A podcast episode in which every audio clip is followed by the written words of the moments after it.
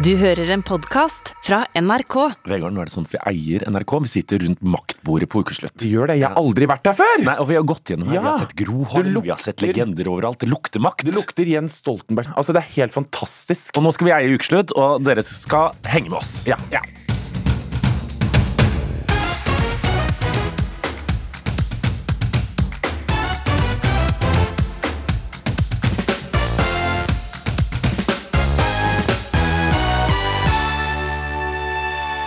Vår oppgave er å sørge for lav og stabil inflasjon. Så vi setter renten opp nå og varsler ytterligere renteøkninger for å unngå at inflasjonen blir for høy fram i tid. Ida Wolden Bakke hadde så vidt begynt i jobben som sentralbanksjef da hun satte opp renta, og det bekymrer folk. Vi er ganske utsatt, eller vi har ganske høyt lån, så da lurer vi litt på hvordan det skal gå. I ukeslutt så skal du få gode sparetips fra en som har gjort sparing til sitt levebrød. Skadde, ville dyr kan bli friske og må ikke avlives, sier kvinne som steller rev og svane i hjemmet sitt. Men å hjelpe ville dyr kan gi nye pandemier, advarer zoolog. Og Enova gir nå støtte til elektriske motorsykler og mopeder. Meningsløst å sponse noe som gir så liten klimaeffekt, mener elsyklist. Denne lørdagen fra Finnmark i nord og ned til Agder i sør, ja da er det hele 230 markeder for den som vil få seg en ny garderobe. For i dag så er det nemlig den store klesbyttedagen. Og et klesbytte det betyr at du leverer altså inn klær, og så får du like mange plagg i stort sett samme stand da, tilbake. Og det er Naturvernforbundet og lokale husflidlag som har slått seg sammen og arrangerer klesbyttemarkedene. Hvor det også eh, går an å få utført da, reparasjon av klær. Velkommen til deg, Pernille Bonnevie Hansen. Takk. Du er altså nestleder i Naturvernforbundet og befinner deg vanligvis i Oslo, men har nå reist i drøyt 25 timer med tog, så buss, så haik, for å være med oss i ukeslutt på direkten fra klesbyttemarkedet i Tromsø, hvor du selvfølgelig også skal jobbe utover dagen. Da. Hva er det som skjer der nå?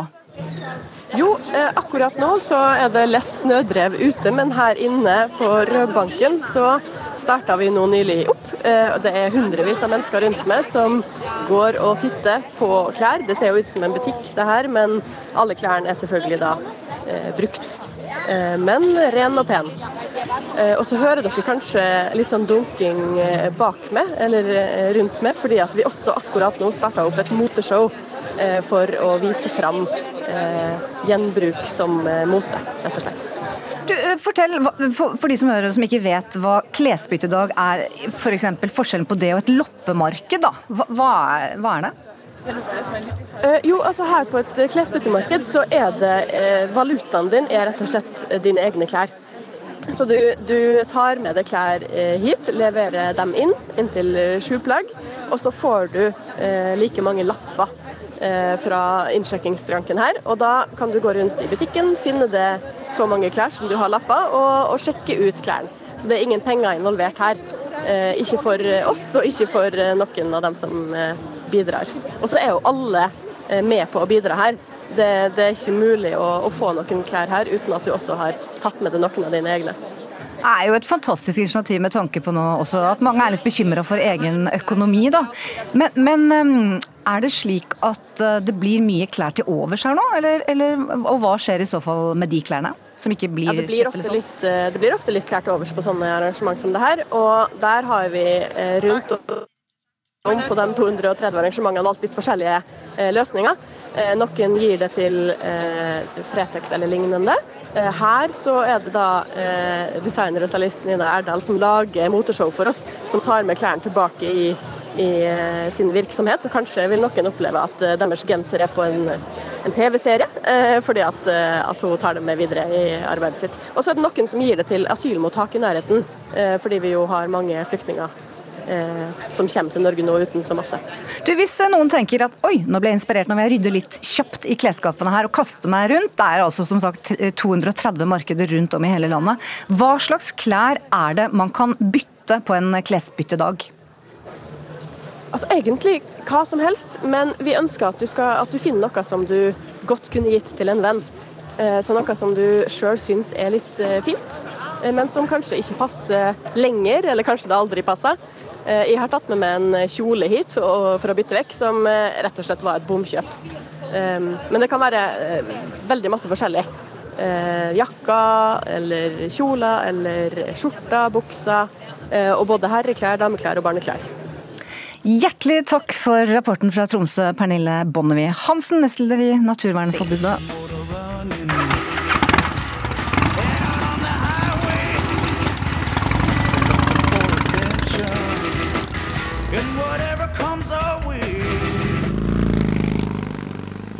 Ja, sånn gromlyd blir det ikke på motorsykler framover dersom det statlige klimaforetaket eh, Enova får det som de vil. For Enova, som jobber for at Norge skal bli et lavutslippssamfunn, gir nå støtte til de som kjøper elektrisk drevne tohjulinger framfor bensindrevne. Kjøper du elmoped eller scooter, så får du altså nå 3500 kroner i støtte. Velger du en elmotorsykkel, så får du hele 25 000 kroner fra staten. Men nyheten om at staten nå skal bruke penger på dette, har ikke bare høstet jubel, men også kritikk. Velkommen i studio, Ulrik Eriksen. Var mye r-er for meg, det der. Ulrik Eriksen, du kaller deg transportinfluencer, og er også forfatter av boka 'Et land på fire hjul'. Du mener støtten til elmoped og elmotorsykler er meningsløs. Hvorfor det? Det gir tilnærmet ingen eh, klimaeffekt. Det er eh, på nivå med løvblåsere og gressklippere. eh, Gjæring av øl og brød. Vi er på det nivået. Så, og elmopeder og elmotorsykler er allerede subsidiert, for de er merverdiavgiftsfrie som elbiler. Så det her er en transportform som er farlig. Eh, det er seks ganger så farlig som eh, sykkel. Eh, og det brukes til en type nærtransport som heller burde foregå med gange eller sykkel eller kollektiv. Og det er en transportform som i liten grad erstatter bil, og som derfor sementerer reisevaner. Så jeg mener bare dette er et merkelig tiltak og en veldig spesiell prioritering av Enova. Her har noen bare fått en fiks idé, og så har de glemt eh, å se sammenhengen og se det store bildet. Vi, skal, altså vi har spurt klima- og miljøminister Espen Barth Eide om å stille her, men ifølge departementet så har altså Enova frie tøyler til å bestemme hva de vil satse på. Men Vidar eh, Pedersen, du er altså leder for kommunikasjon og markedsføring i Enova. Du er med oss nå.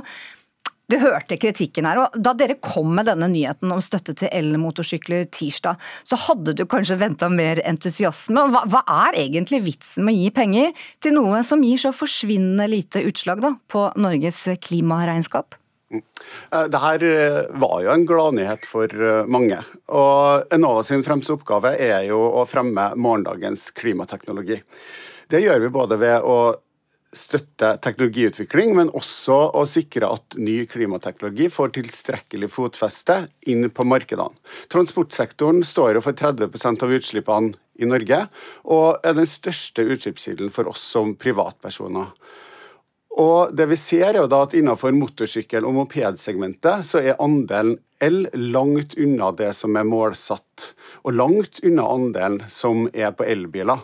I tillegg til at de få modellene som finnes av elmotorsykler og elmopeder, har en prisulempe i forhold til sine fossile brødre og søstre. Men du, men du, men du, hør, du hørte jo kritikken her. altså Det, det sammenlignes med jeg holdt på å si, elektrisk eh, grill, det var vel ikke, men løvblåser. Og, og Ulrik Eriksen, eh, transportinfluenser i studio i dag. Hva sier du til det Anova kommer med her? Altså det med trans eh, trans teknologiutvikling det, det virker litt spesielt. Altså I Asia er eh, allerede elmopeder og elmotorsykler ganske stort. Og Det å tenke at det norske markedet skal være liksom en pådriver her, det er, også, det er veldig fjolte. Eh, også når det kommer til eh, hvordan det allerede fins. Ja, altså, halvparten av mopedene som selges i dag, er faktisk elmopeder allerede. Og Mye av grunnen til det er selvfølgelig at de er merverdiavgiftsfrie og derfor eh, allerede er en gunstig pris på de. Dette gir noen, det som er, tenker jeg det største problemet her, er at dette gir noen signaler. for at det, transportpolitikk handler, altså Man kan ikke tenke på dette her uten å tenke på transportpolitikk. Og hvilke signaler? Nei, fordi vi har allerede en teknologi på to hjul eh, som går på el, og den heter elsykkel. Eh, de må betale merverdiavgift, får ingen subsidier på noen som måte. Men det er en teknologi som faktisk erstatter bil, som kan bidra til at vi får et, eh, endrede transportvaner som vil gi veldig mye bedre klimaeffekt enn en elmoped. Ja, altså Vidar Pedersen, det må du nesten svare på. Du er med oss, du er leder for kommunikasjon og markedsføring i Enova. og Dere jobber jo for at Norge skal bli et lavutslippssamfunn. Hvorfor, hvorfor gir dere ikke eh, støtte til elsyklene i stedet? For det, det brukes jo av så utrolig mange flere. Mm. Uh, Elsykkel er jo et modent marked med masse Det er tilgjengelig overalt. Det er masse uh, ulike modeller til priser som forbrukerne er uh, villige til å betale. Så her, her anser vi det som et modent marked. Når det kommer til nettopp moped og motorsykkel, så er jo i forhold til målene som er satt i Klimakur, så er vi langt unna den andelen som vi ønsker. Og målet vårt er jo ikke å øke antallet solgte mopeder og motorsykler, men at vi skal switche over fra fossil til el innenfor de her to segmentene.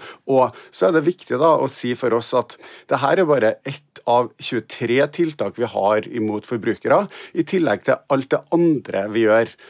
Blant annet så har brukt vi hele to milliarder på hele verdikjeden innenfor transport uh, for men, å sørge for at den blir konkurransedyktig på lavutslipp. Jeg, jeg vil bare si, eh, Det er morsomt at du nevner Klimakur, for det er en, altså en rapport, en oppskrift fra Miljødirektoratet på hvordan vi skal nå klimamålene våre frem til 2030. Motorsykler og eh, mopeder blir knapt nevnt. Det blir nevnt to ganger, og de er bare listet opp med hvor forsvinnende lite klimaeffekt det er. Så eh, Klimakur vil jeg ikke brukt som argument her. Og Når det kommer til modenhet og elsykkelmarkedet, så må man tenke på det at eh, for å få, for at Hvis du er en familie da, som har, er avhengig av bil, eh, og Hvis du skal erstatte den bilbruken med en elsykkel, så trenger du en elsykkel som i dag koster mellom 80 og 90 000 kroner for å kunne ta med deg barn og varer. Det er ikke en pris som veldig mange har råd til. Hvis det hadde vært subsidiert på et eller annet vis, hvis det hadde vært f.eks. merverdiavgiftsfri, som det ikke er i dag, man betaler 20 000 kroner i merverdiavgift for å få en sånn sykkel, det er en skjevhet som jeg tror eh, politikere og Enova helt klart burde ta inn over seg. Ja, Vidar Pedersen, dette må du nesten svare på. Ja. Uh, når det kommer til merverdiavgift, så er jo ikke det noen ting Enova regulerer. Men når det kommer til de her lastesyklene, uh, når det kommer til elsykkel totalt, så er jo det noen ting som er modent. Når det kommer til segmentet for lastsykler, så betyr jo ikke det at vi ikke er villige til å se på om vi skal komme med tiltak på det senere. Det er noen ting som vi må gå inn og analysere i så fall. Du, jeg må også spørre deg, da. Et kritisk blikk her, Ulrik Eriksen. Altså, Enovas oppgave er jo å ta i bruk ny teknologi. Så må de ikke da støtte uvanlige ting framfor vanlige ting som mange har, da? Som f.eks. denne gode gamle varmepumpa eller elsykkelen. Og gjøre som de gjør nå ja, men Det er ikke uvanlig. Altså, Elmopeder fins allerede. jeg, Det finnes annonser nå som har kommet ut på, etter denne støtten, hvor du kan få da, en elmotorsykkel til 27 000 kroner. Reklamere for at du får 15 000 i støtte fra Enova. Den ville kostet med moms 55 000, det dobbelte av det den ellers ville kostet. Så her er det liksom en, blir en sånn markedseffekt som blir veldig problematisk. Du skal få siste ord også.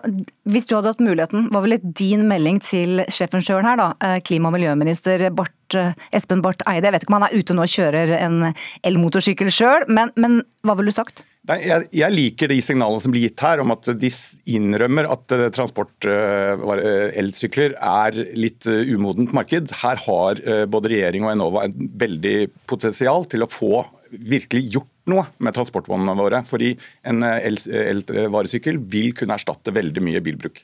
Ja, Ulrik Eriksen var det, altså transportinfluenser, um, også uh, skribent for Morgenblad. Du, Vidar Pedersen, du er også med oss, kommunikasjonsleder for markedsføring også i Enova. Um, tar du med deg noe av dette videre denne lørdagen til miljøminister Espen Barth Eide? Uh, jeg tror i hvert fall det som er viktig å oppklare, er at uh, andelen el på motorsykkel er 4 eh, i nysalget, så det er langt unna halvparten. Og på moped så er det 34% så her må vi forholde oss til riktige tall. Eh, det er litt viktig. Og som sagt, Elsykkel er et modent marked, eh, men når det kommer til det segmentet med lastesykler, så, ikke, eh, så, så kan det hende at det er noe vi kan se på videre. Men da må vi gå inn og analysere hvilke konsekvenser eventuelt en støtte vil ha her. For vi skal ikke støtte moden teknologi. Da ødelegger vi markedene. I store deler av landet, på et eller annet vis, så må det være lov å si at våren er i anmarsj, og et uh, yrende dyreliv våkner nå opp fra dvalen. Det betyr også høysesong for skadde, ville dyr. Og ifølge dyrevelferdsloven så er du pliktig til å hjelpe skadede dyr du finner ute i naturen. Og de fleste som vil hjelpe, ja de ringer vel politiet eller viltnemnda, og da er veien til avlivning kort. Men det er ikke alle som er villige til å la dyr bli drept, og disse dyrevennene ser du for tiden i NRK-serien Villdyrhjerte. Og her skal du få høre et lite klipp fra serien med en av de, Heidi Halvorsen.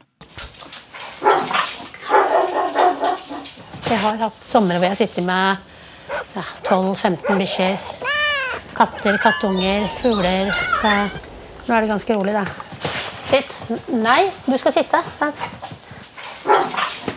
Sånn, Sonja går ned av bordet. Det der er ikke greit. Uh, og så har jeg et par ekorn og fem andunger. Og en kattemor med fem unger. Jeg har jo tenkt mange ganger på hvorfor jeg gjør det. Jeg tror jeg har prøvd å ta pause hundrevis av ganger, men så er det en liten sjel som trenger hjelp. Ingenting gir større glede enn å ta inn et dyr som egentlig var fortapt. Og så blir det friskt, og så kan du sette det ut igjen. Ja, her hørte vi deg, Heidi Halvorsen, som er leder altså for Dyrebeskyttelsen avdeling Ringerike. Velkommen til ukeslutt. Hei, du. Du, du, du, har altså, Det var fullt liv, hørte vi allerede der, og, og, vi vet at du har hatt hundrevis av dyrepasienter som ekorn, rev, svane i hjemmet ditt. Hvorfor, må du nesten forklare her, mener du at det er riktig å pleie skadde, ville dyr, sånn som du gjør? Ja, så sant det er en mulighet for at dyret kan bli 100% frisk og komme ut igjen i naturen, så mener jeg det er på plass å, å gi de pleie framfor avliving. Men, men, men dyrevelferdsloven sier jo Oi! Hører vi noe tilbake? Hva, hva, er det vi hører? Man skal spørre om hva vi hører. Det er hunder her, så Må bråke litt. Ja, de, Dyrevernvelferdsloven den sier da at de som vil hjelpe ville dyr, de kan bli bøtelagt eller fengslet i inntil ett år. Fordi slik hjelp kan gi unødig belastning for dyret. Men du sier altså at du ville heller gått i fengsel. Hvorfor vil du ikke høre på myndighetene? Fordi at loven er eh, Den er ikke laga til eh, fordel for dyrene overhodet, liksom. Det er eh, Loven er laga mer med tanke på økonomi og hva som er lettest, og ikke med tanke på hvordan man kan hjelpe dyra. Men, sånn, vi har vært borti at svaner for eksempel, har blitt skutt fordi de har hatt en krok i foten. Og lignende tilfeller, da. Vi har i studio her fra Mattilsynet, altså som forvalter dyrevelferdsloven, de, de, sier eh, at i mange tilfeller så vil avling, avlivning av det skadde dyret være bedre enn å dø sakte i det fri eller være i fangenskap. Og dette kan jo uh, virke litt hjerterått for mange, kanskje. Men, men du er enig, du, zoolog Petter Bøckmann. Hvorfor det? Ja, Først så må jeg si at det vi hører her er jo utslag på en måte av det beste i mennesket. Dette er menneske som art. For vi har jo artsspesifikke trekk, og en av dem er at vi er en medfølende art, vi er et flokkdyr. Og dette er det som gjør oss til den hyggelige arten. Så det er veldig vondt å sitte her og si at nei, du kan ikke gjøre sånn, det er feil. Men det er jo en grunn til at vi har disse lovene. Og den ene av dem er en litt sånn kost-nytte-ting med at uh, hvis vi skal hjelpe noe, så ønsker vi å maksimere mengden nytte og minimere mengden lidelser. Og veldig mange dyr som er skadde, er såpass skadde at de klarer seg ikke. Jeg har vært guttunge sjøl og dratt inn en fugl med knekt ving og lagt den på en boks på verandaen. og de der var jo Det kunne jo egentlig bare tatt livet av dem med en gang, og sannsynligvis hadde det vært greiere. Så er den andre siden av saken, og den har å gjøre med sykdommer. Alle dyr har sykdommer, akkurat som oss mennesker, og det hender jo at disse sykdommene hopper fra art til art. Vi har nettopp vært gjennom en aldri så liten pandemi, resultatet av en sånn situasjon. Og alle de store killerne i menneskehetens historie, være seg det er brannkopp eller det er eh, tæring eller noen av disse fæle sykdommene, er dyresykdommer i utgangspunktet. Og så har de hoppa over på mennesker fordi vi har pleid nærkvem med dyr. Og Resultatet av det er at vi har en lov som sier nei, villdyra skal være ville. Ja, de skal være ville, sier Petter Bøckmann her, zoolog, og Heidi Halvorsen eh, fra Ringerike her nå. Du, du hva tenker du når han, han påpeker jo dette med smittefaren, da? Altså, jeg er jo i utgangspunktet enig. Eh, å redde ville dyr vil jo si at dyret må kunne bli 110% friskt. Det må kunne klare seg selv uten naturen og settes tilbake. Og en redding bør jo alltid skje i samarbeid med veterinær, som kan eh, bidra til å dømme om dyret vil bli 100 igjen. da. Eh, marginen for avliving bør jo også være noe lavere når det kommer til ville dyr enn til f.eks. en hund eller katt. Men at man eh, over hele fjøla skal velge avliving framfor eh, hjelp til dyra, det, det blir for meg helt feil. Som sagt så er det jo eh, et dyr som kanskje trenger hvile en par timer eller en par-tre dager. En kort antibiotikakur, noen sting og sånne ting. Det er jo dyr som kan få hjelp. og Jeg tror ikke det tar, gir en så stor skade om man tar de inn og hjelper de en par dager, for så å sette de ut igjen. Hva sier du til det? Jeg sier ikke zoolog Petter Bøckmann. Ja, Eksempelet som hun nevnte i stad med en svanne som har fått en fiskekrok i foten, den er det jo faktisk bare å pelle ut, og som sagt en liten antibiotikasprøyte, så er den svanen good to go. og det, det, burde være en grei sak. Men veldig ofte så er jo dette snakk om dyr som har mista foreldrene sine, f.eks. Ekornunger som må oppdras, andungene som ble nevnt her. Og Det andre problemet som, som kommer her, det er at da altså si, Vi mennesker har da stort sett en trang i en sånn situasjon til å prøve å erstatte mor og far og liksom være til stede for disse dyrebarna, i tillegg til å gi dem mat. Og Da venner du disse dyreungene til at mennesker er lik mat og trygghet. så det er jo Mennesker er den aller farligste arten her. Så det er, det er, er ikke noen god overlevelsesstrategi. og Nå sier ikke jeg at Heidi gjør det, for jeg aner ikke hvordan hun holder på, for å si det rett ut. Men, eh, men en del mennesker gjør det på den måten, med de aller, aller beste intensjoner. og i slutten på visa så får du dyr som da går et altså si, vanskelig og vrient liv i møte. Men det, det har å gjøre med det som Heidi sier her, at de må ha muligheten å bli 100 friske. Og et 100 friskt vilt dyr er livredd mennesker. Ja, du hører, hører, hva han sier. Og du hadde jo en mink, Heidi Halvorsen, og vel bare litt nysgjerrig på hvordan gikk det med den egentlig? Det gikk bra. Jeg bare vil tilbake til det han snakker om å mate på dyrunger. Eh, nå har jo jeg, er vel jeg en av de som har mata opp tror jeg, flere hundre ekornunger. De er satt ut, eh, Flere av de er også satt ut på områder hvor man har kunnet følge de, og ingen av de har vært tamme. Ingen av de har oppsøkt mennesker igjen i ettertid. Det er jo litt snakk om hvordan man gjør det. da. Eh, hos oss er det jo viktig at dyr er ville når vi setter dem tilbake i naturen. Mm. Og ekorn og ender og sånn som vi ser tilbake, er ofte villere enn de du møter ute, for de er vant til at folk går rundt og mater dem og kaster brød til fugla og sånne ting. Eh, hos oss så er jo dyreunger som mates opp, de blir berørt det absolutt maks det man eh, trenger for å få i de næring. Ellers så lever de jo stort sett tilvendes naturen ute. og Hovedproblemet mitt er de bitta jeg får når jeg skal sette det ut igjen. Jeg blir bitet i blods hvert eneste år. Du, jeg må spørre deg da, Petter Bøckmann. For det er klart eh, mange holder på i hagene sine, på hytta eller hjemme, og de skal i tur i skogen, gå langs stranda. Og man kan nå se skadde Og vi har jo plikt til å hjelpe. Men si nå til det norske folk, hvordan skal vi oppføre oss? Hvem skal vi ta kontakt med? Og hvordan redder vi best et dyr? Et vilt dyr. Hvis det er et dyr som ligger og er forkommet på bakken og er så dårlig at du kan plukke det opp, så er det dyret dødssykt. Eh, da har det, Hvis det ikke er noen ytre synlige skader, så har det en sykdom. og Da er tipset ligg unna. Eh, naturen kommer og rydder opp. Det å se om naturen rydder opp er aldri vakkert. Eh, evolusjon på nært hold er, eh, er kjempeinteressant, men aldri pent. Eh, og det, og det, er sånn, det er litt vondt å ta inn over seg bestandig. Jeg er jo glad i dyr sjøl. Jeg er ikke zoolog fordi jeg hater dyr. Så jeg forstår veldig godt det som, det som, Heidi driver med her. Og det er klart, Hvis du nå først skal ta inn et dyr, så sørg for å gjøre sånn som Heidi sier, at de er ville. Ofte så er det spørsmål om å holde avstand. I England, hvor de har en helt annen lovgivning på dette, her, så er det en del folk som tar inn dyr. og Da har de dyrene i et eget rom, og så gir de dem mat. altså de prøver å unngå menneskelig kontakt, nettopp for at dyrene ikke skal venne seg til at det er mennesker som gir dem mat. Og som Heidi sier, uh, ender og sånn, særlig rundt Østensjøvannet i nærheten av der jeg bor, de er rimelig husvarme. Uh, og dyr bør ikke bli for husvarme heller. Vi hadde en episode med denne såkalte havnesjefen, den derre svanen oppe i mm. Bergen, hvor vi så eksempler på hva som skjer når større dyr blir husvarme. Vi vil ikke tilbake dit. Det vil vi ikke. Nei, det vil vi ikke. Nei. Heidi Halvorsen, leder i Dyrebeskyttelsen avdeling Ringerike, som du også kan se på NRK TV her, og til zoolog Petter Bøckmann. Da skuespiller Simon Andersen og mannen hans giftet seg for 15 eh, år siden, så ønsket de seg penger som de ga videre til et barnehjem i Ukraina. Pengene kom til nytte i Luhansk, og historien om det sjenerøse paret nådde til og med TV-nyhetene i Ukraina. Men det var først denne uken at Simon fikk møte en av de som har vokst opp på barnehjemmet, og som nå har flyktet til Norge.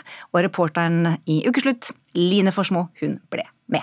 Ja, det kom egentlig i stand på et seint, fuktig nachspiel. Skuespiller Simon Andersen mimrer tilbake til sommernatta for 15 år siden, da han og mannen Christian Mollestad fortalte venn og skuespiller Linn Skåber at de skulle gifte seg. begynner vi å komme inn på gaver, for vi har jo Christian og jeg hadde jo vært sammen i en del år. Siden de allerede var godt etablert, fikk de en kreativ idé om hva de skulle ønske seg i bryllupsgave. Vårt bryllup skulle gå til eh, et barnehjem i Ukraina. Pengegaver fra over 200 bryllupsgjester ble til en betydelig sum, som gikk til barnehjemmet Petrovskaja i Luhansk. Vi, vi ville egentlig tone det litt ned, for det var jo Jeg vet jo hvor vanskelig det er å være skeiv i eh, Ukraina. Men nyheten om det homofile paret som ga vekk bryllupsgavene, fikk mye positiv oppmerksomhet i Ukraina. Eh, Det ble jo til og med nevnt på Dagsrevyen i Ukraina. Så dere fikk bidratt både økonomisk og med litt homokamp, da? Ja, på en måte. Selv om ikke det var Altså, homokampen ble jo veldig tona ned, men eh, det ligger nå der som et bakteppe. og det er jo fint. Simon Andersen er spesielt kjent for sin rolle i familiesagaen De syv søstre, som gikk på 90-tallet. Og ikke minst for sin imitasjon av teaterdivaen Wenche Foss. Gud, ja, hun kan i grunnen komme, for nå nå skal vi snakke om eh, litt veldedighet. Å, ja, det, er- det, vet du, det, det, må vi, det må vi jobbe for. Det, er- det, det er en fin ting. Det er en fin ting. Ja. Så bra. Ja, jeg er blitt gjort noen år. Det er først nå, 15 år etter bryllupet, at han skal få møte en av de som bodde på barnehjemmet den gangen. En 21 år gammel kvinne som har flykta fra Ukraina til Norge og hjembyen hans Larvik. Det blir veldig, veldig hyggelig. Eh, For det er jo den første jeg møter som, eh, som har bodd på det barnehjemmet. Etter en kjøretur fra Oslo er han fremme hos venninnen Marianne Fresharo Abdallah, som er styreleder i Ukraina-gruppa, og i årevis har jobba med å hjelpe utsatte barn i Øst-Ukraina. Hun var med på å organisere at gaven fra Simon og Christian kom til nytte på barnehjemmet i sin tid. Det var veldig tett oppfølging, så vi så jo vi byttet ut vinduer. Vi så at vinduene var byttet ut. Vi byttet ut taket. Vi så det ble gjort. I en sofa oppe i stua venter Shenia på 21 år, som tidligere bodde på barnehjemmet i Luhansk. Simon. Simon? Yeah. Yeah, Hun har kort, mørkt hår og har på seg en gul hettegenser. Så giftet jeg meg med eh, Christian min mann. En venn av Marianne snakker russisk og hjelper til som tolk. Всегда хотела увидеть знаменитого человека. Hun alltid drømt om å treffe en, den berømte man, mannen. Shenia ser på bryllupsbilder som Simon viser frem på mobilen, og smiler. Kirke, kake og en bil med teksten 'nygift' på. Bryllupskake. Selv om hun bare var et barn da, husker Shenia at eh, hjelp formidla gjennom Ukraina-gruppa gjorde en forskjell. Fått nye vinduer, og flere forskjellige ting som var veldig viktige. Hun forteller at hun kom til barnehjemmet fordi moren drakk, og at hun hadde det bedre på barnehjemmet enn hjemme. Ja, det var bedre enn hjemme.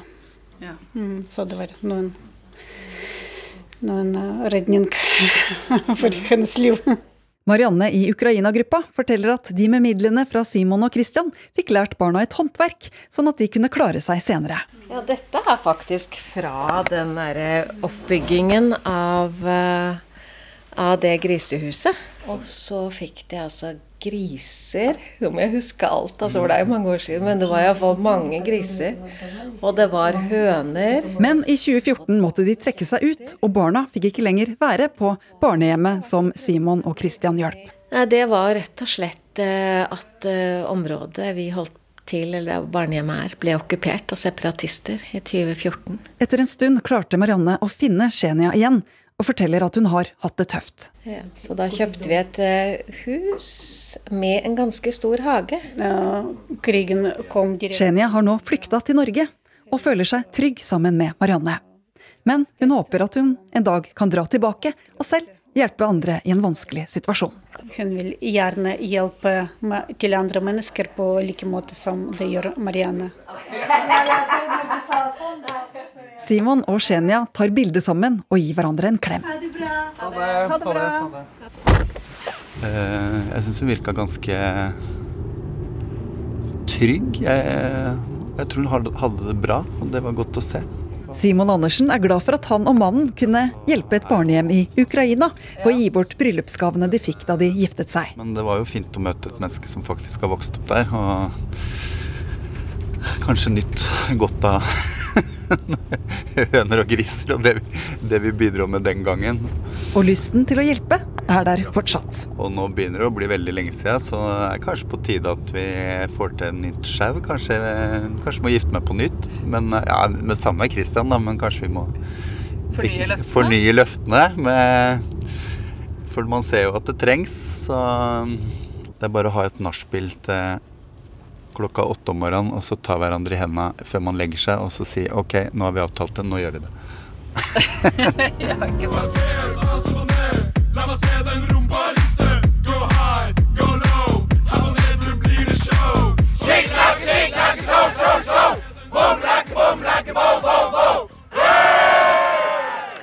Ja, altså Russetiden er jo da et sikkert eh, vårtegn for tredjeklassinger på landets videregående skoler. Og etter to lange år med pandemi, så er tiden altså kommet igjen for at man skal ikle seg russedress, og at dundrende musikkanlegg skal holde oss våkne utover natta. Dette er et, eh, hva skal vi si, et fellesskap da, som de fleste unge eh, higer etter å være en del av. Men ikke alle gleder seg. For det er et så sterkt press der ute om å ha det rette utseendet, ha statusen, ha de kule vennene, eller være kul selv. At unge, ja, de roper selv nå varsko her i ukeslutt. En av de, med fra Haugesund toppidrettsgymnas, det er deg. Emma Ingebrigtsen, og den andre er etter hvert Andreas Døske. Vi begynner med deg, Emma. Dere er blåruss. Kan du fortelle bare til oss, eh, du hører at jeg er jo ikke russ, det er noen år siden det, gitt. Men kan du gi oss noen eksempler nå på hvor ille det er blitt blant russen rundt om i Norge? Ja, det har jo blitt eh, et enormt press eh, blant eh, oss russen. Nå De senere så har det jo kommet såkalte russegrupper, som det er et enormt press om å få lov til å være med i. da. Der I disse gruppene foregår det bl.a. Eh, avstemning om eh, hvem som får lov til å være med i disse og ikke. Og, eh, og eh, såkalte prøvefester, hvor du møter opp på fest, og så får du en kveld på å bevise om du ja, er kul nok til å være med i russergruppa eller ikke. Mm. Altså, tror du eh, Jeg vet ikke hva du hører andre, men tror du det har blitt mer brutalt nå og enda verre gruppepress blant russen nå enn f.eks. For, for bare ti år siden? Ja, absolutt. Eh, når jeg snakker med foreldre og eh, eldre generasjoner, så sier jo de at det absolutt ikke var sånn når de sjøl var russ. Eh, og i hvert fall ikke her på Vestlandet. Nå kan jo ikke jeg uttale meg så mye om Østlandet, men det viser jo at det kom her da til Haugesund og Vestlandet når eh, serien Skam kom. Eh, så ble det liksom inn da med disse russegruppene og bl.a. buss og sånne type ting. Andreas eh, Døske, du er også med fra samme skole, da, Haugesund toppidrettsgymnas og er blåruss. Fortell, du har også opplevd, du, eh, etter først å ha blitt invitert på en fest, så ble du utestengt. Kan du fortelle litt om eh, hva som skjedde der? Ja, altså, jeg hadde egentlig planlagt å dra på familietur. Det var i sommer med familien min. Og så fikk jeg denne invitasjonen, da. Og snille som foreldrene mine er, så utsetter de ferien. Og så spør jeg liksom ja, når, når, skal jeg møte opp, hvor skal jeg møte opp? Og så de bare ja, det kommer senere, det kommer senere. Og så kom dagen, og så spurte jeg ja, kommer det noe mer informasjon, og de bare ja, ja, bare vent litt. Og når jeg tror klokka bikka ni på kvelden, så skjønte jeg vel egentlig at eh, den informasjonen ikke kom. Eh, og så satt jeg der nå utover kvelden, og så plinga det inn en melding, og så tenkte jeg OK, her, her har de vel skjønt at det, det de gjorde kanskje ikke var helt innafor. Eh, men da fikk jeg rett og, rett og, slett spørsmål om jeg kunne kjøre. For da visste personen eh, som hadde invitert meg, at jeg hadde sittet hjemme og venta eh, sittet der edru, eh, og at jeg ikke hadde funnet på noe annet. For jeg hadde jo holdt av den dagen til å være med på den festen. Så jeg føler litt, litt råttent gjort. Hva gjorde det med deg den kvelden videre da? Nei, altså det traff meg skikkelig. Eh, Jeg husker faktisk at eh, det er en av de få gangene jeg, eh, jeg grein meg i søvn. Fordi at var, du fikk liksom rett i ansiktet at, eh, at du, var, du var ikke en del av eh, det store fellesskapet eh, som ungdommen har. Jeg vil bare si, Andreas Døske, så modig du er, som setter ord på det. Eh, gutter holder ofte disse følelsene eh, tilbake. Da. Og jeg må spørre da Emma Ingebrigtsen, eh, som er med oss nå, også fra eh, samme studio i Haugesund. Hvorfor tror du ungdom utestenger? Eh, nei, for det første vil jeg jo si at jeg tror, jeg tror de fleste ikke mener dette vondt, eh, men det er det jo absolutt. Eh, og så tror jeg det er ganske mange som stiller seg bak den der med at ja, men alle andre gjør det jo, og det er jo det som på en måte har blitt normalen, eh, og det er det folk har gjort i flere år nå. Eh, og Derfor mener jeg at det er så viktig å stå fram og si vet du hva, dette her er ikke greit. for Altså, jeg tror De aller fleste av oss hadde jo ikke likt å kommet opp i denne situasjonen hvor, ja, hvor folk ikke vil ha deg med. Eh, og det at eh, du blir stemt på om du er kul nok til å være med, og sånne type ting. Og rett og, bli, rett og slett blir ekskludert, da. Det er jo ja, eh, det er noe som vi må ta opp, for det er brutale ting som skjer i russetida, eh, vil jeg påstå. Eh, og ja, det går jo egentlig tilbake til den gylne regelen. Du skal behandle andre sånn som du sjøl vil bli behandla, og det er jo absolutt eh, ingen, tror jeg, da, som ønsker å bli behandla på denne måten her. Ja, Andreas, eh, jeg må spørre deg rett og slett. Jeg vet at dette ofte starter allerede i første gym. eh, Og hvorfor er det, beskriv for oss som har levd en stund, hvorfor, hvorfor er det så viktig å være en del av en gjeng? Og ofte en gjeng som er så usympatisk som vi hører nå, da, men hvorfor vil dere være med i en sånn flokk? Nei, altså men, Vi mennesker er jo flokkdyr. Eh, vi vil jo tilhøre noe, noe større enn oss sjøl, eh, på en måte. Så når man fester det under samme navn, og går med gensere der etternavnet står på ryggen din, eh, så får du liksom vist at du tilhører noe, noe som er større og mer enn det bare deg sjøl. Men det jeg tror ikke ungdom forstår, er at det, når du går med eh, og fester under samme navn og går med etternavnet på ryggen, så viser du også til alle andre hvem som ikke er med. Eksempel, vi er tolv stykker i klassen. Eh, det er tre av de som ikke er med, og resten er med.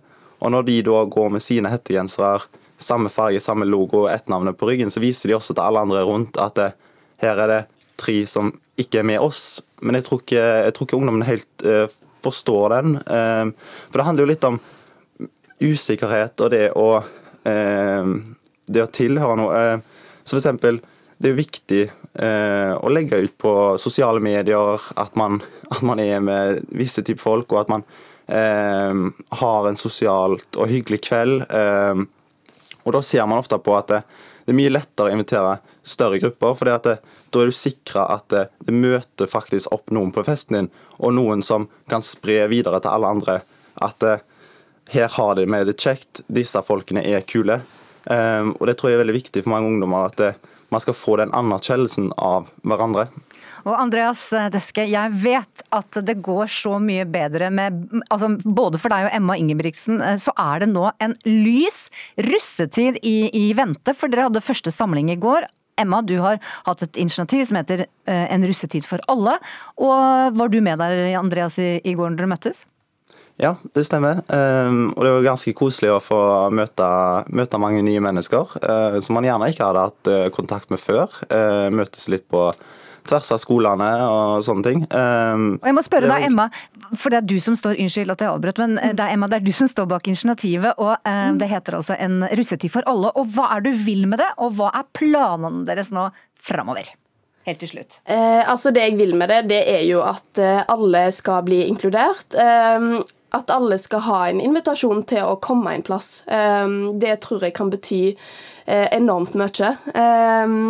Så her er alle velkomne, og jeg må bare si det at det er så mange fantastiske mennesker sånn som i går, som møter opp der. Og jeg er så heldig som får lov til å bli kjent med disse. Så framover så skal vi ha fellesarrangementer hvor ja, Alle som vil, eh, får komme. Eh, Alle utenom foreldrene, håper jeg. Ja, utenom foreldrene, så klart. Det er russ, ja. Mm. Da er vi kommet til den tiden av året hvor vi journalister skal fortelle dere, kjære lyttere, at nå skal klokka stilles. Og det må jo gjøres på en, ja, en utsøkt pirrende måte. Så nesten hvert år så dukker altså bildet av klokkedama i bikini opp. Men husker du noe bedre hvilken vei klokka skal stilles da? Stille klokka én time forover. Ba bakover. Frem. Bakover. Den skal vi stille frem. Hvert år dukker det opp et bilde for å minne oss lesere på at klokka skal stilles. Der er hun, vet du. Der kommer hun. En ung bikinikledd dame står i sola på et snøkledd vann og holder ei stor klokke foran ansiktet.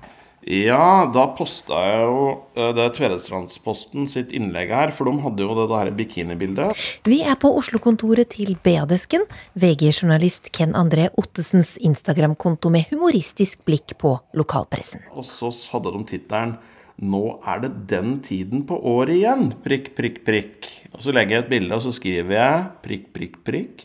At norske avisredaksjoner skrur kvinnesynet sitt tilbake til 1963 for å markere at vi går mot lysere tider. Nå er det endelig vår.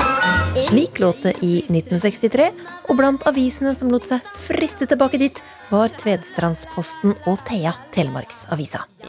Det er, ja, ja, det er jo litt sånn desksjargong, men vi sier at vi skal ikke ha umotivert pupp. Eh, og det betyr at eh, hvis du skal ha på en måte et, et bryst på nettet eller i avis, så skal det ha, faktisk ha en relevans for saken. Du skal ikke putte på en pupp fordi at du vil at folk skal klikke på saken. Kommentarfeltet til BA-desken er splitta.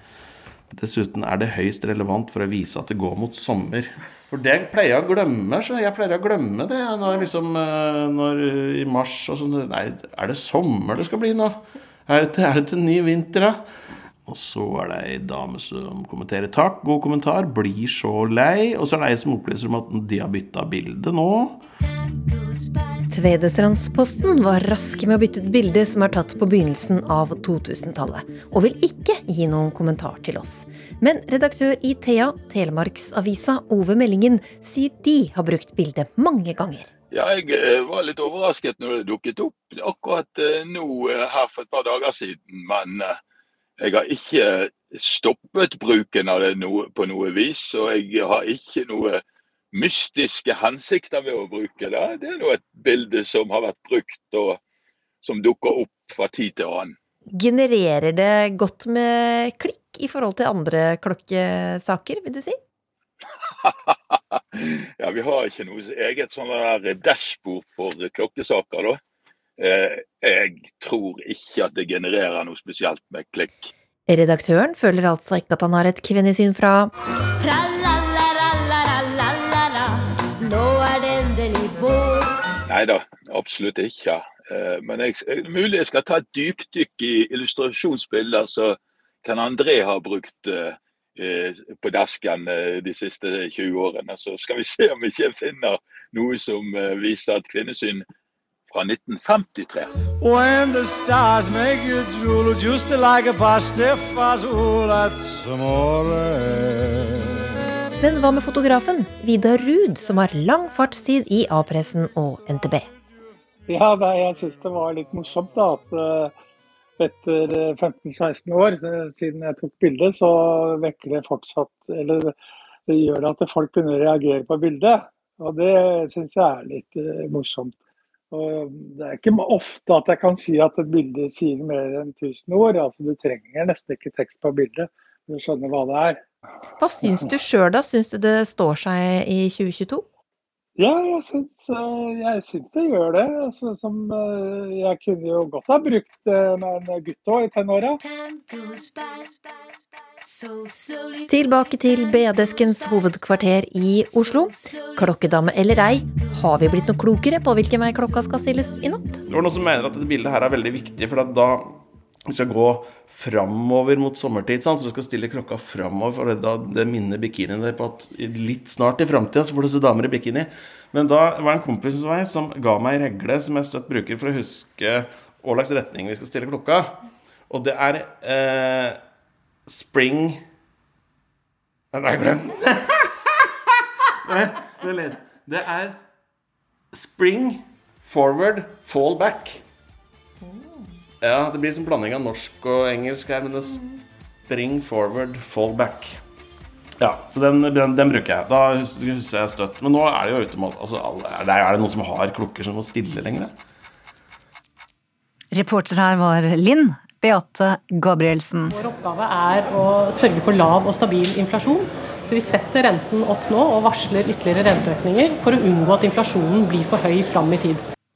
Da Ida Wolden Bakke endelig fikk jobben altså som sentralbanksjef, ja da fikk hun også den ubehagelige oppgaven med å fortelle det norske folk at renta må opp. Ikke bare én, men flere ganger. Er du blant de som nå bekymrer deg for hvordan høyere matpriser, høyere drivstoffpriser og høyere renter vil påvirke privatøkonomien din? Eller er du blant de som tenker at dette, dette skal gå bra? Ukeslutts Vidar Sem han har vært ute på gata og spurt folk om deres forhold til egen økonomi. Altså ikke for min del, for jeg har omtrent ikke noe lån. Bare et lite beløp, så, men jeg tenker på alle andre. Vi er eh, litt bekymret, det må jeg si. Eh, Vi er ganske utsatt, eller vi har ganske høyt lån. Så da lurer vi litt på hvordan det skal gå. Men vi har ikke, vi har ikke noen sånn kjempegrep enda. Vi får bare ta det som det kommer. Se hva vi, hvor vi kan spare. Hva kan det f.eks. være? Vi reiser jo mye, så det kan hende at det blir litt mindre reising. Dessverre. Som ufør så er det veldig lite grep man kan gjøre. Man er jo nederst på rangstigen, så det er klart man er jo eh, Det er jo ikke så mange som snakker om uføre. Det er eh, Eller hva skal jeg si? Det Ja, det, det er på nåde. Er du bekymret? På vegne av eh, stabilitet, ja. På vegne av meg selv, nei. Du kommer ikke til å merke det, tror du? Jo, absolutt. Eh, Men jeg har god nok råd til at jeg tåler svingninger. Ja, og så da, selv om matvareprisene økte med 4,5% forrige måned, dieselen snart koster 30 kroner literen, og renta økte til 0,75% så er det fortsatt man heldigvis eh, mye da, man kan gjøre for å få en romsligere privatøkonomi. Lise Wermelid Christoffersen, eh, du har skrevet boka Pengesnakk og drifter altså bloggen med samme navn. Velkommen. Takk for det. Du, eh, jeg må aller først spørre deg her. Flere merker jo nå at privatøkonomien begynner å stramme seg til. Um, vi kan gjøre noe med det. Det er veldig mange grep man kan ta. Heldigvis. Og det var det jeg ville du skulle si aller først. Fordi vi har nemlig spurt vi har en rykende fersk undersøkelse her. Vi har spurt lytterne våre, ganske uhøytidelig da, spørreundersøkelse, hvordan prisøkning, renteøkning påvirker dere der ute. Og det er 51 som svarer at de er ja, prosent, da, altså ikke 51 pe mennesker. Det ville vært et lite, lite borettslag. 51% av våre lyttere er bekymra. Det sier jo sitt. Og så er det da eh, åtte som sier at eh, ja, de ikke bryr seg, da. Men, mens eh, 41% sier de er forberedt og har en plan. Hva sier det deg? Det høres jo veldig lovende ut. Eh, Jeg har spurt mine følgere om det samme nettopp, og da var det 74% som var litt eller mye bekymra for Ja. dette her. For det er jo mange ting som skjer på en gang, og da påvirker det oss. Mm. Hva er det nå, det, det første vi skal gjøre da, hvis man merker at oi, nå begynner det å stramme seg til her økonomisk? Eh, Det første er jo å merke det, altså å få litt oversikt og se hvordan kommer det her til å påvirke meg framover. Eh, Og mange har jo kanskje tømt bufferkontoen gjennom vinteren pga. høye strømpriser, så da er man jo ikke så forberedt som man kanskje burde vært på at alle andre priser nå øker. Eh, Men starte med en oversikt og se hvor mye må jeg ut med de neste månedene. Må jeg øke forbruket mitt på mat? Må jeg belage meg på å kjøre mindre bil, eller hvor dyrt blir denne bilkjøringa for meg framover? Og også se på rentene. For det som er bra med disse rentehevingene, er jo at de også sier noe om framover. Så selv om de øktes bare litt nå, så vet vi jo at det skal enda høyere opp, og da kan vi jo forberede oss litt. Man må ta valg. Det er ofte vanskelig å ta valg, men hvis man skal gjøre det, hvilke utgifter tenker du er det enklest nå å, å få ned eller kvitte seg helt med? Det første jeg ville angrepet, var jo alle utgifter som ikke gir meg noen form for glede. Altså Sett igjennom. Har jeg noen abonnementer som jeg driver og betaler på hver eneste måned, men som jeg ikke bruker? Altså kjøpte jeg en ny TV-kanal for å se på OL, så er OL ferdig nå. Da trenger du kanskje ikke den lenger. Har du streamingabonnementer som ikke blir benytta? Alt sånn der som bare går ut måned etter måned. Kanskje små beløp, men eh, som til sammen blir en sum. Så begynn med å kutte ut alt det der eh, som ikke gir noen glede. Matbudsjettet aner meg at eh, vi kanskje ikke alltid er så flinke å planlegge når vi går i matbutikken. Eh, Hva konkret kan man gjøre der for å, for å senke budsjettet? Det har du veldig rett i, og det blir mange handleturer og også da en dyr, eh, dyrt forbruk på mat. Så det første jeg ville gjort, var jo å planlegge. Hvilke middager skal jeg spise framover? Eh, Jeg ville begynt først med en plan, altså basert på hva jeg har hjemme, hva må jeg kjøpe for de neste ti middagene eller fem middagene. Rett og slett god gammeldags handleliste? Ja, og jeg ville gjort det før jeg begynte å tenke nå må jeg spise kjipere mat. Nå skal jeg ha det kjedelig, lage billige retter som jeg egentlig kanskje ikke liker. For den planlegginga kan du spare inn så mye på for de fleste. Men når bør vi planlegge? Er det sånn familieråd, sette av liksom en halv time på søndag og se fram i uka, eller bør du gjøre det på torsdag før helg og uke? Det viktigste er at du gjør det når du er hjemme. At du ikke begynner planlegginga i butikken, men at du gjør det hjemme, så du ser hva ligger allerede her i kjøleskapet. Har jeg noe i fryseren? Kan spørre familiemedlemmene hva har de lyst på av mat, og også kan gå inn på tilbudsaviser og se hva er det som er på tilbud nå. Kan jeg benytte meg av det? Mm. Og kanskje ikke alltid få alt man har lyst på. Nei, hvis det strammer veldig til nå, så må man jo velge bort også ting som eh, gjør vondt. Men eh, vi vil jo ha strøm, vi vil jo kjøre bil, vi trenger å ha boliglån, så de utgiftene får vi ikke gjort så veldig mye med. Men du, for en familie da, med billån, høyt boliglån, hvilke forbruksendringer tenker du det er realistisk eh, å få til for å håndtere stadig høyere renteutgifter? da? Altså, Har du noen, noen helt konkrete råd? Ja, det, jo, det er vanskelig å være konkret, fordi familier bruker pengene sine så ulikt. Eh, Men det jeg ville gjort nå, f.eks. med et høyt boliglån, var jo å kanskje allerede nå late som om boliglånsrenta er høyere enn den er. Altså begynne å øve på å betale inn mer hver måned. Både fordi da ser du at du klarer det da, på slutten av neste år når den er på 2,5 poeng høyere. Lat som den er sju! Lat som den er sju. eh, Og det er jo det boliglånsforskriften også sier. Du skal ha rom for en 5% renteøkning, så de har jo kalkulert med at du har det handlingsrommet i økonomien.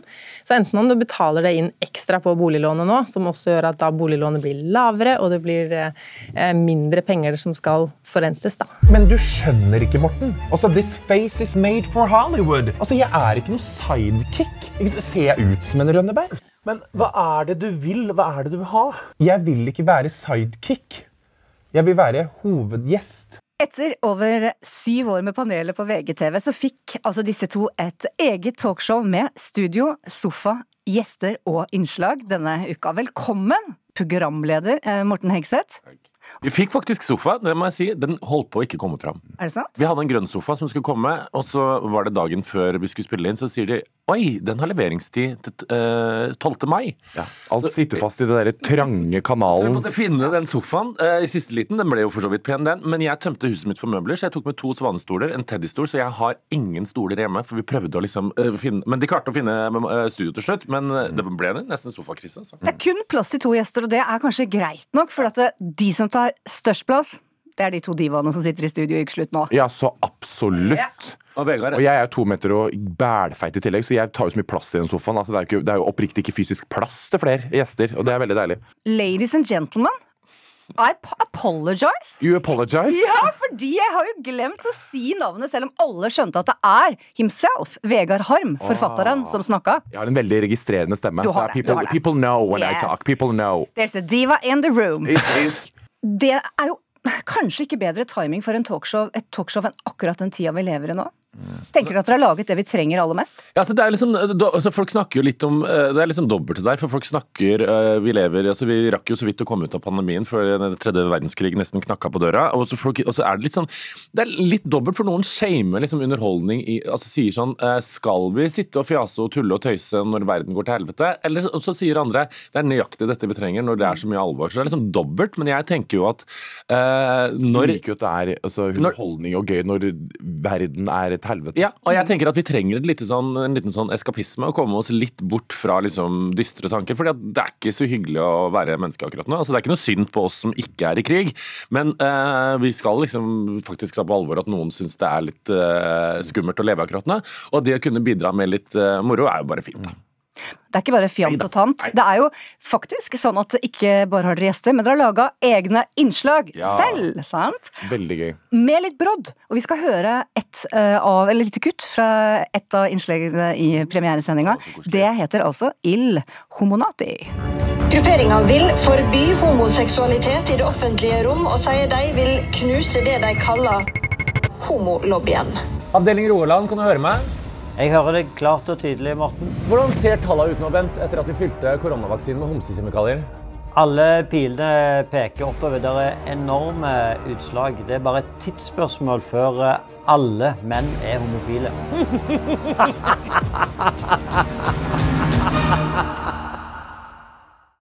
Hva er det dere vil eh, med innslaget hvor blant annet altså Anette Trettebergstuen, kulturminister, og tidligere eh, helseminister Bent Høie er med? Morten kjefter jo huden full på Anette Trettebergstøva. Ja. Ikke snakk til meg om Nei, det tredje kjønn! Det vi vil med det, er uh, Og dette er jo Det høres liksom kanskje teit ut, men det fins konspirasjonsteoretikere, det vet vi jo alle i disse tider, som Absolutt. tror at det fins en homolobby i Norge. Mm. Som da hovedsakelig består av kjente homofile mennesker som pla planlegger å utslette heterofile verdier. Seriøst? Ja, ja, jeg har fått masse mailer om det. Eh, Bent har fått masse mailer om det. Og folk, det er veldig sånn høyreekstreme teorier, så vi har skrevet en sketsj ut fra disse teoriene. Så alt det som er i dette innslaget, er sant, bortsett fra det med dunstinseminasjon, som handler om at da homofile skal fise um, spermier opp i fødekvinnene sine. Ja, Gud. Så da tenkte vi sånn, dette må vi lage en moro ut av. Så da ble det eh, Illuminati, Mm. og eh, det er jo litt moro. Folk trodde også at folk sprøyta homsekjemikalier i koronavaksina, så det er jo Og det gjorde de jo, så gjorde det er kjempehyggelig for oss. Så nå blir alle menn homofile, og det er jo til vår fordel. Det er et gullruteøyeblikk når Bent Høie ser rett i kamera som om det er en nyhetssending og sier Vi har gjort alle menn bevisst homofile. Ja, det er veldig deilig. Det er helt fantastisk. Ja, Herregud. stas. Når vi spilte inn det, så var vi ganske Jeg er nesten så jeg gruer meg litt, egentlig, for jeg er jo sikkert noen som kommer til å reagere litt og tenke bare sånn What the fuck is going on here? Men det må vi ta. Ja, det må, vi ta. Det må jeg lære meg. Jeg må stå i ting. Begynne å stå i ting. Hvis kritikken hagler, så må jeg stå støtt eh, med en paraply. Dere har altså utfordra siden 2014, egentlig, eh, kjendisjournalistikken. Du, Vegard Haim, Mm. you're made for American television. You're made for the Oscars. I am. I am. Well, uh, people say what's next, and I say I. Well, Norway's too small, and I love I, the things I've done here. Is like it's, it's fine and it's fun, but it's. Um, I'm ready for something else, and I know that that's not in Norway. So Ah. I'm very excited to like look abroad and Oh. look across the Atlantic to chase new and fun adventures. So I'm very excited about that. Stokke.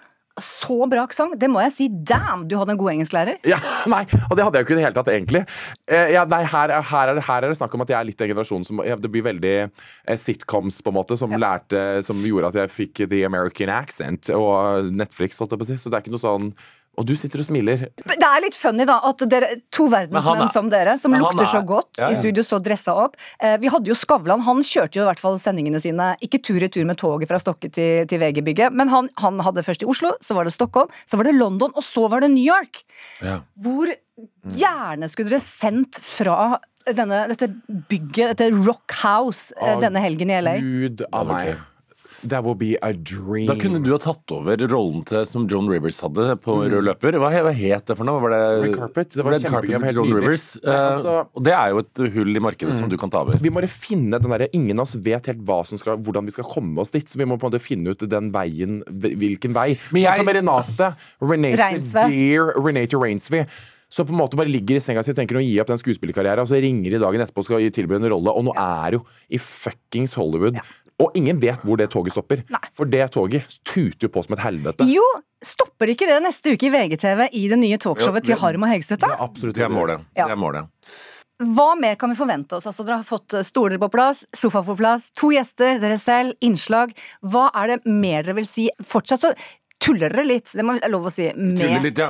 med reality-deltakere. Vi Ja. er ikke helt ferdig med Paradise. Nei, vi, altså, vi har en eh, konkurranse gående der vi tester hvem som er smartest av reality-deltakere og oss. For vi har alltid kunnskap, vi har kunnskapstesta det i alle de år. Og så er det Vegard har jo eh, og dette, Vi tuller mye med det, men han har jo en ekte kjærlighet for bygda og en ekte skepsis mot urbane strøk. Så det får jo også blomstre i all sin prakt. Det gjør det absolutt. Det er veld, men det med de reality-deltakerne det er faktisk veldig gøy. For at vi har gjort veldig Ikke narr, men vi har jo snakka om det og testa de på kunnskap. Og så når vi har møtt veldig mange av de nå og ja, for Det gikk ikke helt etter planen, ikke eh, det. men det får dere jo se etter hvert. At det gikk ikke helt etter planen Men de er jo de er smartere enn det man tror. Jeg bare sier med hele mitt hjerte at hvis vi noen gang må noe mer enn å preppe, men finne en eh, underjordisk gang her i landet, så vil jeg dele rom med dere to. Vi vil dele med deg òg. Herregud. Men jeg tror ikke du har tilgang til det rommet. Jeg føler Synnøve later som hun jobber på NRK, dere. Ingen vet hva hun driver med. Hjertelig takk til main character, hovedprogramleder på norsk, eh, eh, Morten Hegseth, og the one and only hovedgjest, as always, og diva, notorisk diva, alltid, Notorisk. Vegard Harm. Ansvarlig for denne ukesluttsendingen har vært Kari Li, teknisk ansvarlig Hanne Lunås, og her i studio satt jeg, Synnøve Svabø. Ha en fortsatt strålende P1-dag, alle sammen. Du har hørt en podkast fra NRK. De nyeste episodene hører du først i appen NRK Radio.